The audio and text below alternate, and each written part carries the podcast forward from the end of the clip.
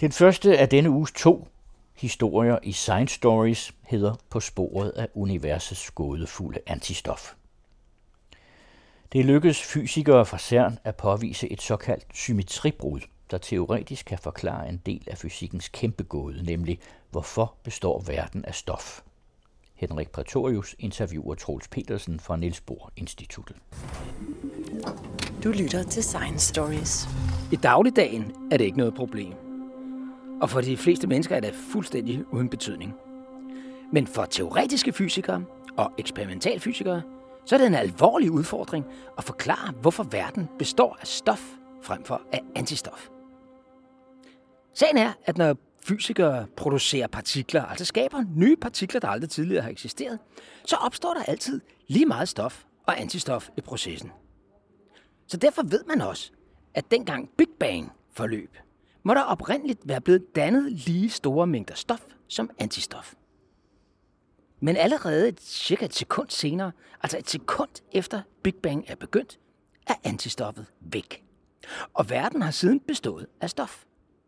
Hvordan i alverden gik så meget antistof til grunden kort efter fødslen? Hvad er det for en fysisk proces, som fik det til at ske? Selvom ingen kan forklare, hvordan alt antistoffet forsvandt, så kender man til processer, hvor lidt af det kan forsvinde. Og for nylig dokumenterede fysikere ved CERN netop sådan en af disse fysiske processer i et af deres eksperimenter.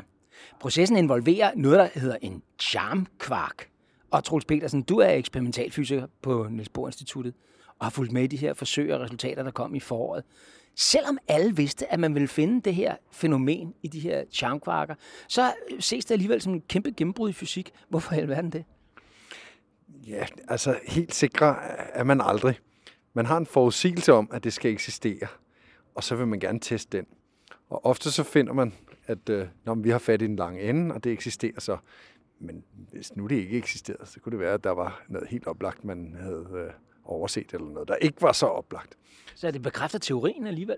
Ja, det gør det. Og det er jo øh, måden, vi i det store hele laver naturvidenskab på, det er, at vi har teorier, og så tester vi dem med eksperimenter.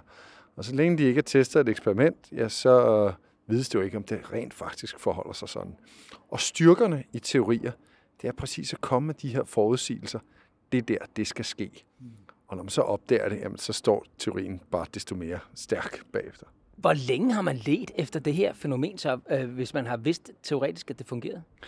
Ja, øh, det sjove er, at øh, øh, opdagelsen af, at der er en forskel på stof og antistof, og det er sådan set det, øh, man har altid taget sådan, om hvis du har en partikel, det kunne være en elektron, så fandtes der en antielektron, og den var bare modsat lavet, men vejede det samme, gjorde nøjagtigt det samme, og de to var identiske. Det, at der er forskel på stof og antistof, det kommer faktisk fra, ja, det er 50 år gammelt, det kommer fra 1964, øh, hvor til stor overraskelse for fysikere, så var det sådan, what? Øh, man troede ikke, der ville være en forskel, men det viste sig så, at det var der. Og det, det gav Nobelprisen. Og, øh, dengang vidste man ikke så meget om kvarker.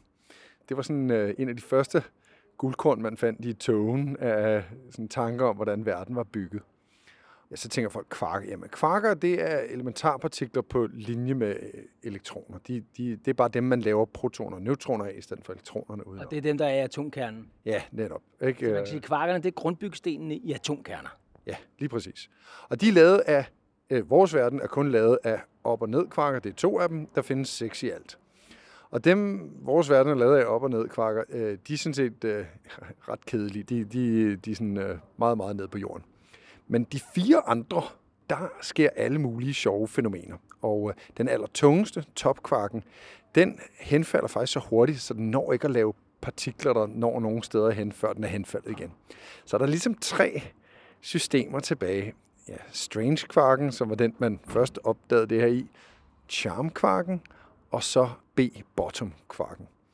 I 64 opdagede man så, at i Strange-kvarken øh, og, og i de partikler, det havde med at gøre, ja, der var en forskel på stof og antistof. Ja, og det, det er det, der sker i 64, at man opdager det. Fordi selve antistoffet havde man vist opdaget før, tror jeg. Havde man ikke? Jo, jo, det er det, at man opdager forskellen. Ja. Øh, og grunden til, det er, altså simpelthen, det, det er fundamentalt. Det er fordi, som du selv sagde, vi har det univers omkring os. Og det er født med lige meget stof og antistof. Og så mødes stof og antistoffer, ligesom det kommer i par, så går det i par. Så hvorfor har alt stof og antistof ikke mødtes hinanden med hinanden, og har efterladt os et tomt univers? Ja, det er det, og jeg kunne godt tænke mig lige, fordi vi skal ind på det der med kvarker, og lige lidt dybere ned i det også, og alle de der ting, du snakkede om her. Men lad os lige starte der med stof og antistof. Altså, de samme partikler dybest set, men det, det ser ud som om nogle gange, at det er skrevet med et forskelligt fortegn. Hvis stof og antistof mødes, så øh, destruerer det hinanden. Ja, og det, og det gælder også for elektronen og antielektronen, at hvis man har energi, så kan man faktisk købe stof. Men man kan ikke bare købe en elektron. Man skal have en antielektron med. Men så kan du ellers gå i krig. Så kan du sige, jamen, jeg vil gerne købe en elektron og en antielektron. Og hvor meget energi skal du bruge? Ja, det er så Einsteins berømte formel, E lige med mc i anden. Så du kan veksle mellem masse og energi.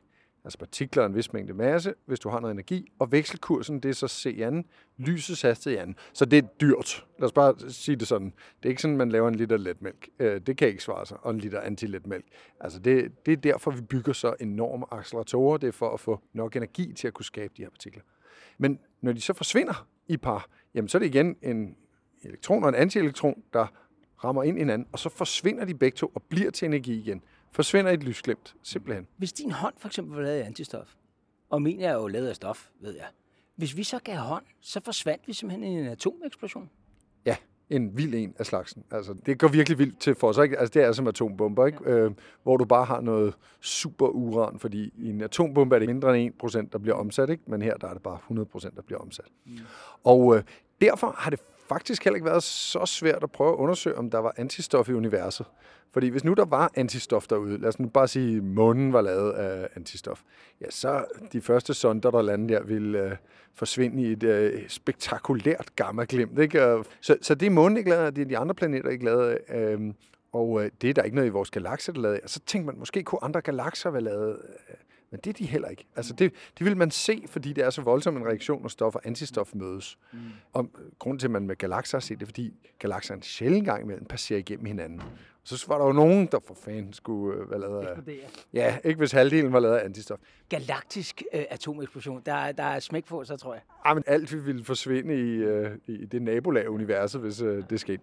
Og det udsender også en lys på en bestemt bølgelængde, eller sådan noget, nogle af de her ting sker, så man vil også, man kan se på det lys, der kommer udefra, mener jeg også, at der er ikke antistof og stof, der mødes derude. Så, så verden ser ud til at bestå af stof. Og det mærkelige er jo så, at når I ved, at hver gang man laver stof, så opstår der antistof og stof. Så hvorfor udslettede alt stoffet og alt antistoffet ikke hinanden? Ja, der øh, mangler vi forklaring. Øh, jeg vil sige, at vi har et par af ingredienserne, men guderne skal vide, at det bliver en øh, underlig kage, når vi selv mixer den sammen. Og lad mig forklare det statement. Det første sekund, der har stoffet mødt antistoffet. Og det meste har gjort præcis, hvad vi beskriver. En partikel, en antipartikel, mødt hinanden, annihileret, forsvundet, blevet til lys. Og det lys, det kan vi faktisk stadig se. Det er den kosmiske mikrobølgebaggrundsstråling. Og det er det, der er 3 grader over Kelvin eller et eller andet stil. Det er det, man hører som sådan en sus i en radiomodtager og sådan noget. Det er lige præcis. Og, og der kan vi jo se, hvor mange lyspartikler der er, og ved, at de kommer hver gang fra en stofpartikel. Og så kan man tælle op, hvor mange stofpartikler der er i universet, og så får man sådan, at jamen, der er cirka 10 milliarder lyspartikler per stofpartikel. Så det, der er sket i starten af universet, det er, at 10 milliarder partikler og 10 milliarder antipartikler har mødtes, og det er blevet til 0 antipartikler, 1 partikel, og resten til lys. Så vi kender godt, hvad der er sket nogenlunde i det forhold. Og så er det bare om at prøve at forklare, hvor det kommer fra. Og nu har vi så fundet, og nu endnu mere fundet, en af ingredienserne, ikke? at der er forskel på antistof og stof. Og det her, når du siger, det er en af ingredienserne, det er den her charm-kvark, vi skal øh, til at snakke om også. Og sådan noget. Så er det jo fordi, at, at der er den her hovedregel, at når der bliver dannet stof, så bliver der dannet lige meget værd. Og når der forsvinder stof, så forsvinder der lige meget værd. Og det kalder man en symmetri, tror jeg nok, i fysik, gør man ikke? Og det, der er så problemet, det er, hvad den her, I leder efter det, I kalder symmetribrud, nemlig at der er et eller, en eller anden anden regel, som gør, at det her forskubber sig en lille smule. I leder efter en god forklaring på, hvordan kan der i alverden kan der blive noget stof til overs, når alt det her møder hinanden. Ja, men der er faktisk der er tre ting, der skal til, til at ende med at få noget, der har stof og ikke antistof. Fordi for det første skal du bruge, at der er forskel på stof og antistof. At den ene henfalder en lille smule anderledes end den anden. Så de følger ikke samme regelsystemer, når de henfalder? Nej, og, og, og det vil sige, at reelt kunne vi, øh, meget teoretisk, men hvis vi vil, øh, hvis nu vi begyndte at kommunikere med en øh, anden civilisation et andet sted, og vi gerne ville møde dem og trykke hånden, som du sagde, og vi lige ville sikre os, at de ikke var lavet antistoffer, vi var lavet stof, så kunne vi faktisk komme med en beskrivelse af et eksperiment, de skulle lave, for ligesom at tjekke, du ved, tilhører i øh, den ene eller den anden art. Så det, det kan man, der er en forskel. Og som eksperimentalfysiker, så ved man, at man kan stole på resultatet af et eksperiment, så man kan trygt give hånd bagefter. Ja, præcis. Så, men, det, men det var én ingrediens ja. ud af tre. Ja. Den anden er, at du skal have, at øh, det der med, at partikler og antipartikler kommer og går parvis, det skal du også have et brud på. Og det har vi aldrig observeret. Men det sjove er, at den teori, som her igen er blevet konfirmeret, den teoretisk efterlader faktisk, at, at det kan godt lade sig gøre. Det kan bare ikke lade sig gøre i vores acceleratorer, men under de ekstreme forhold et sekund efter Big Bang, der kan det godt lade sig gøre. Så så har vi ingrediens nummer to sådan på åh, at tænkt niveau. Ikke? Det er ikke sådan, at vi har føler, at det er umuligt. Og den sidste ingrediens, man skal have, det er, at man skal have, ja, det hedder en faseovergang. Ikke? Altså ligesom vand, der fryser til is, øh, så skifter det form. Så skal du have, at universet gør det på samme tidspunkt. Altså for at øh, den her effekt, øh, for at det her antistof kan forsvinde. Ja, netop. Fordi ellers får du ikke en, en udvikling i tiden. Så er der hele tiden det samme. Og det hænger sammen måske med Higgs-partiklen, men det ved vi heller ikke. Men, Og Higgs-partiklen, det var den, I fandt på CERN for et par år siden. Ja, lige præcis. Øh, Så den er endnu en af de elementarpartikler. Den ligner dog hverken en elektron eller en kvark. De, de, de er en helt øh, anden øh, familie. Eller, øh. Nå, men det vil sige, vi har tre ingredienser, hvor vi ligesom, ingen af dem er umulige. Og så prøver man sådan at lege med tanken, Nå, hvad hvis vi havde alle de tre, hvordan ville det så køre? Og så finder man ud af, at så ville vi få noget stof, men vi ville få øh, ja, en faktor øh, mellem en million og en milliard for lidt. Der mangler noget forklaring. Der mangler meget forklaring, må vi nok sige. Ja. Ja. Og jeg vil lige, hvis vi er ved manglende forklaring, så er der måske nogen, der har spekuleret på, hvorfor man kan høre nogen, der griner i baggrunden her, mens vi sidder og snakker så seriøst. Det er jo ikke særlig pænt. Øh, Men det skyldes, at vi har sat os ud i haven øh, bag øh, Niels Bohr Instituttet her, fordi vejret simpelthen var så godt, så det galt om at komme ud af kontoret, Troels. Så derfor kan man altså høre, at der sidder andre her i haven bagved, og vi sidder faktisk under træ. Der var en fugl, der sang lige før, sådan, inden vi gik i gang. Ja, det kan være, at vi er heldige, at den går i gang igen. Og solen skinner fra en skyfri himmel. Ja, godt. Der mangler en grundig og god forklaring. Og det er så den, I leder efter. Og er det den, I har fundet en fli af her, eller hvad er det? hvordan skal man forstå det?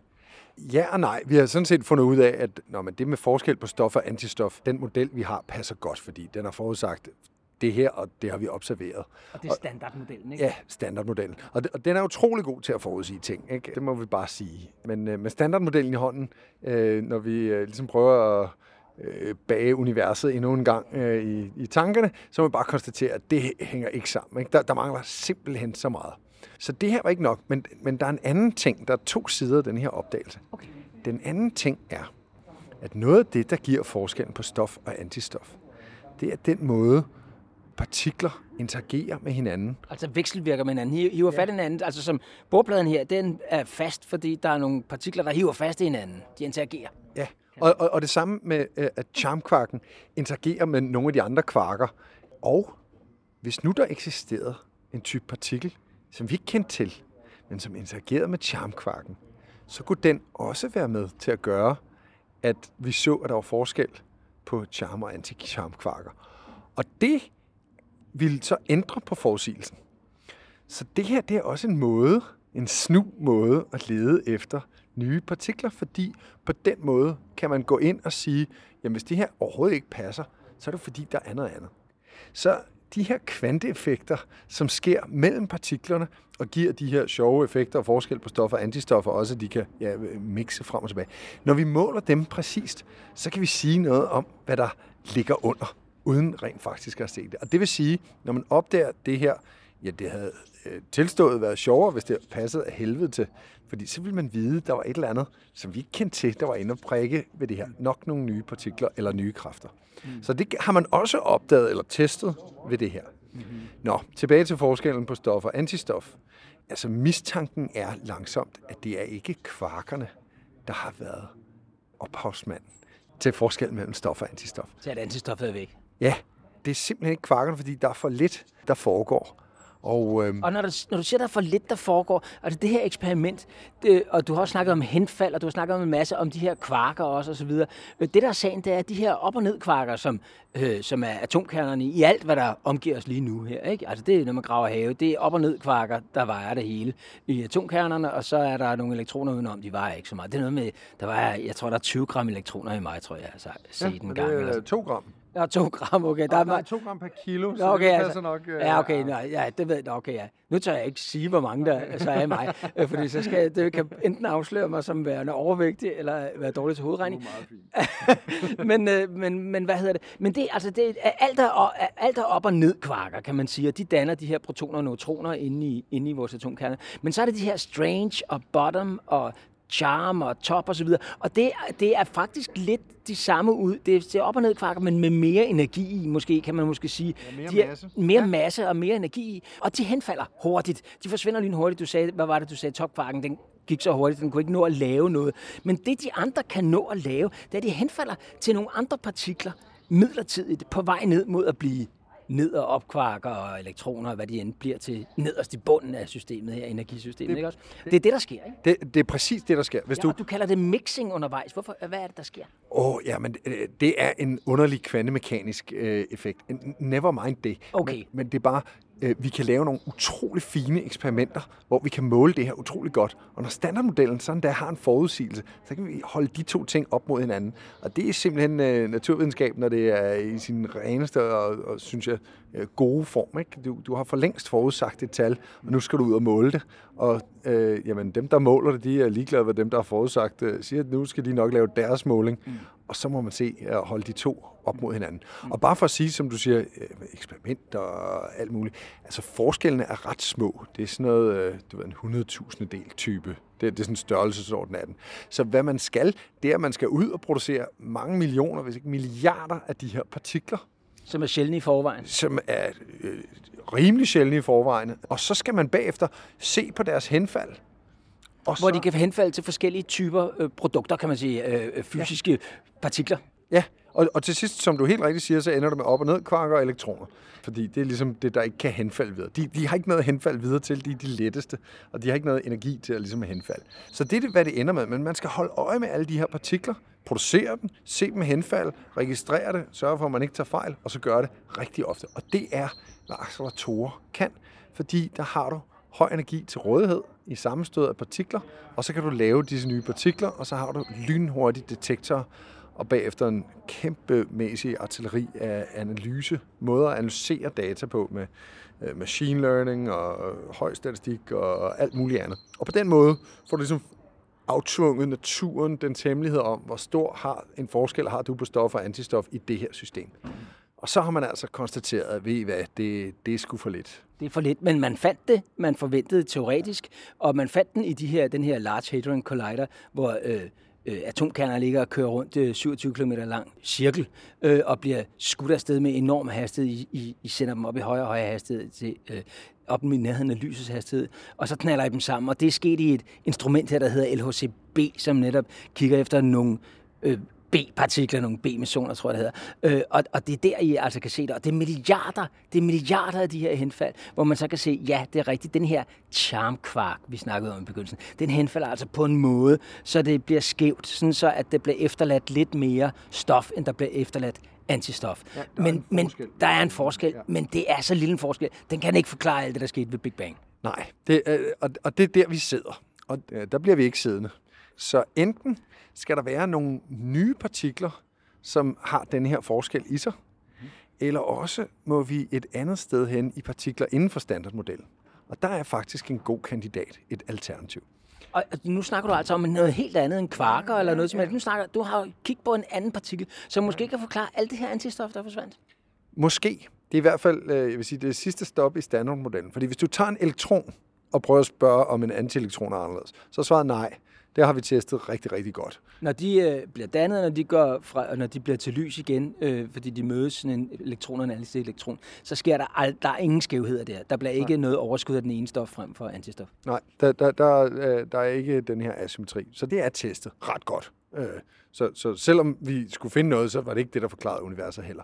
Men den sidste, det sidste hjørne af, af standardmodellen, af ting, som er stofpartikler, men ikke, ikke kvarker, øh, det er de såkaldte neutrinoer.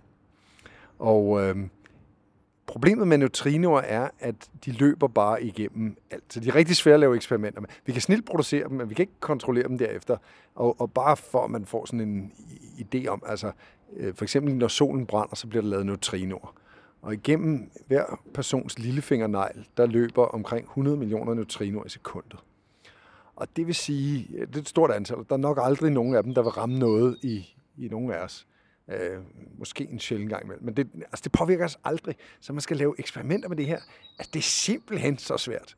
Men øh, det får jeg ikke til at opgive. Det gør bare, at vi ikke har helt opdaget eller udforsket det her endnu.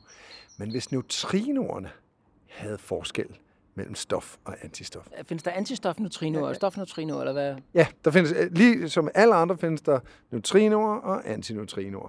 Og det er ikke, når de henfalder, det er, når de vekselvirker. Altså, det er simpelthen bare, de vekselvirker forskelligt. Det er bare, er der en forskel på neutrinoer og antineutrinoer? Neutrinoer kan ikke henfalde, for de har ikke noget at henfalde til. Så det er bare, når de vekselvirker. Men der, det har vist sig, at alt, hvad man har set i kvarker, det var små forskelle og små dit og små dat. Og øh, så har man prøvet at kigge på nogle af de mest basale ting i neutrinoer. Og der er svaret, det er store ting. Så gælder det jo altså om at måske håbe eller tro på, at når vi måler forskellen på neutrinoer og antineutrinoer, at så der er der også en stor forskel. Og det er måske det, der er ophavet til, at vi overhovedet har stof i universet, og at alt det antistof, der var i starten, og stof i starten, at det ikke bare har mødt hinanden, annihileret, og så ville vi have et tomt univers, hvor der bare var lys, og ikke noget som helst andet. Altså det havde været et ret øh, øh, trist univers, øh, der havde, ja. Der havde ikke været nogen, der kunne sige, at det var trist, kan man sige. Ja, der havde faktisk ikke været øh, øh noget som helst voldsom eller interessant udvikling okay. i det. Så vi Neutrinoer, de er ret svære. Jeg ved, at når man kigger efter dem, så blandt andet, det kommer blandt andet ned på Sydpolen, hvor man øh, ned i isen, øh, øh, en eller to kilometer nede, har sat øh, lysdetektorer øh, op ned i isen, fordi de rammer ind i vandmolekylerne nede i isen, og isen er gennemsigtig. Øh, ned, det, det, er sådan, jo det der indlandsis, der er. Øh, så det, jeg tror, det er en kvadratkilometer, eller sådan en kilometer gange en kilometer, og så... Øh, en øh, kubikkilometer. Det er en kubikkilometer, det er en kilometer gange en kilometer gange en kilometer, og så er der altså lysdetektorer derinde, som holder øje med ind i mørket, om der skulle komme små lysklemt, som skyldes, at en neutrino har ramt ind i noget stof. Men det sker ekstremt sjældent, som du sagde. De, rammer, de kører igennem også hele uafbrudt i enorme mængder, og rammer os eh, måske aldrig. Nogensinde bliver man ramt af en neutrino.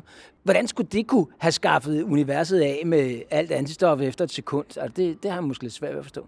Jamen, hvis forskellen mellem stof og antistof øh, for neutrinoer er meget større, og nogle af de to andre ingredienser, som jeg også sagde, er anderledes, og der større, men det er nu mest forskellen mellem, hvordan de interagerer, der, der er drivkraften i det her. Jamen, så kunne de være gennem neutrinoerne i det helt, helt tidlige univers. Altså, så er vi endnu tidligere end et sekund. Øh, der kom forskellen. Og derfra har det så løbet, som det har løbet. Men det er rigtigt, ja.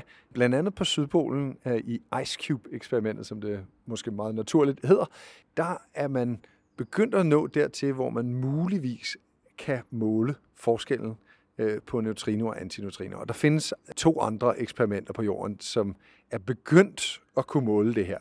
Men det bliver en virkelig, virkelig interessant måling at se, hvad, den, hvad resultatet den er, når den øh, kommer frem. Så måske at den her opdagelse med charmkvarkerne, det er måske næsten den sidste i kvarksystemet, fordi det har man udforsket, det er der, det kommer fra. Og, og nu er det tid til at åbne det nye kapitel om, hvad Søren gør neutrinoer. Mm. Og, det, og det har alle mulige fantastiske historier om, hvordan øh, kan man rekonstruere det her. Og der er også nogen, der prøver nede på øh, bunden af Middelhavet og, og sige, det er nemmere at arbejde på bunden af Middelhavet end på nede i isen af Antarktis. Og så viser det sig, at der... Det lyder faktisk meget fornuftigt argument. Ja, men så, le- så finder man ud af, at der lever sådan nogle uh, specielt dybhavsrejer, der udsender lysglimt, ikke? Og så, så begynder øh, alt at blive kompliceret, ikke? Så, så um, det er udfordringen i at skulle lave forskning, men det er jo også øh, det, der gør, at det er værd at kaste sig over. Men neutrinoerne her, det siger du, det er det sidste hjørne af standardmodellen, ikke også? Øh, som, som det her fænomen kan ligge indenfor. Øh, og standardmodellen, det er simpelthen det er kvantemekanik. Det er alt, alt det, der vi kender fra moderne fysik, som ligesom beskriver, hvordan partikler opfører sig osv., som giver os hele forklaringen på fysikken, som, grundlaget i fysikken i dag, øh, som sådan. Det her, det er, det sidste, det er den sidste chance, det er de her neutrinoer, eller hvad? Ellers så skal man uden for standardmodellen, eller hvad? Så skal man opfinde noget helt ny fysik, teoretisk set, som, det kan, som måske kan øh, gå på jagt efter. Hvor bliver antistoffet af? Ja, det er det. Neutrinoerne, netop fordi de vekselvirker, så altså de, de rammer ikke en skid, for at være helt... Øh, altså, de, de rører ikke ved noget. De fiser igennem alt, hele tiden. Fuldstændig. På grund af det, så er de de mindst udforskede del af, af standard. Det er der, der stadig kan ligge øh, hemmelighed. Jeg vil sige, Higgsen er ligesom konkurrenten. Higgsen er også ret ny. Mm. Altså, Higgser har for eksempel ikke anti-Higgser, så der de er også specielle. Det er der nogle få. Men for, lyspartiklen, fotonen, har heller ikke. Så det er ikke alle, der har en antipartikel. Men altså, så derfor er neutrinoerne ligesom øh, den sidste sted af partikler, vi kender i standardmodellen, som netop beskriver alt det partikelfysik, vi kender, at man skulle kunne finde noget. Ellers så må vi jo bare sidde tilbage. Øh, lad os nu sige, det, det, vi målte det meget fint og konstaterede, at der var slet ikke nok heller. Så måtte vi jo sidde tilbage med den der øh, sure fornemmelse i munden om, at øh, Jamen, der er en masse mere, men øh, det har vi ikke opdaget. Vores acceleratorer her på jorden er for små. Det, det, øh, ja. Der er noget fysik, vi ikke får fingre i. Ja, ikke før vi... Ja, det siger vi nu, og så kommer folk med en smart opvindelse, stærkere magneter eller et eller andet. Så, så, så øh, flytter det sammen. Øh, ligesom alle forskningsfelter, så drives det i en periode af teknologi, ikke? Øh, og, og, og det samme med partikelfysik. Jeg tænker på, øh, i, i begyndelsen her, der, jeg sagde, at det, det blev betragtet som et gennembrud i fysik, at man har lavet det her, at man har opdaget, at de her charmkvarker, de er involveret i den her proces, hvor der bliver dannet ødelagt lidt mere, kan man sige, måske antistof, end der bliver øh, øh fjernet stof øh, fra verden. Hvis det alligevel ikke kan forklare det hele osv., hvad er det så, der er det, det fede ved det, kan man spørge? Altså, er det simpelthen det, at der har været siden 1964, at man har forsøgt at prøve at dokumentere det, eller hvad? Altså tilbage i 64, der havde man ingen anelse om, at der hverken eksisterede øh, charmkvark eller B-kvark. Altså, der, det, det er derfor, jeg siger, at der rodede man lidt i togen. Man kunne dog se, at der var en forskel på nogle partikler med, med nogle andre, som man ikke troede. Øh. Så, men hvad det her gør, det er, at vi ligesom tækker den tredje ud af tre bokse af og sige, prøv at høre, standardmodellen passer her. Der er ikke noget forskel på stof og antistof at finde i kvark delen af det. Øh, den passer sammen, og der er meget lidt. Det eksisterer som fænomen, men det er ikke nok til at forklare, hvorfor vi er endt med det univers, øh, vi er. Og så er der den anden del af det. Så det kommer jo altså med i fremtidens øh, tekstbøger om partikelfysik. Ikke? Øh, den, den er opdaget øh, der. Den er god nok. Det er der. Og så er der det andet med, at hvis nu der havde været nogle andre partikler, måske netop som var meget tungere end hvad vores acceleratorer kan lave, men som stadig påvirkede charmkvarken til at have en forskel på stof og antistof, ja, så kunne vi have sat det her en måde at teste det på. Nu har vi så konstateret, at der opdager vi ikke noget nyt, men det kunne lige så godt have været øh, den anden vej. Eller, øh, vi ville være dårlige forskere, hvis ikke vi udnyttede alle de remedier, vi har, og de handles, vi kan dreje på, til at teste, hvorfor universet er blevet, som det er. Øh, så det har vi selvfølgelig gjort, og her er en af de øh, smukke resultater, som kommer til at stå i fremtidige partikelfysikbøger.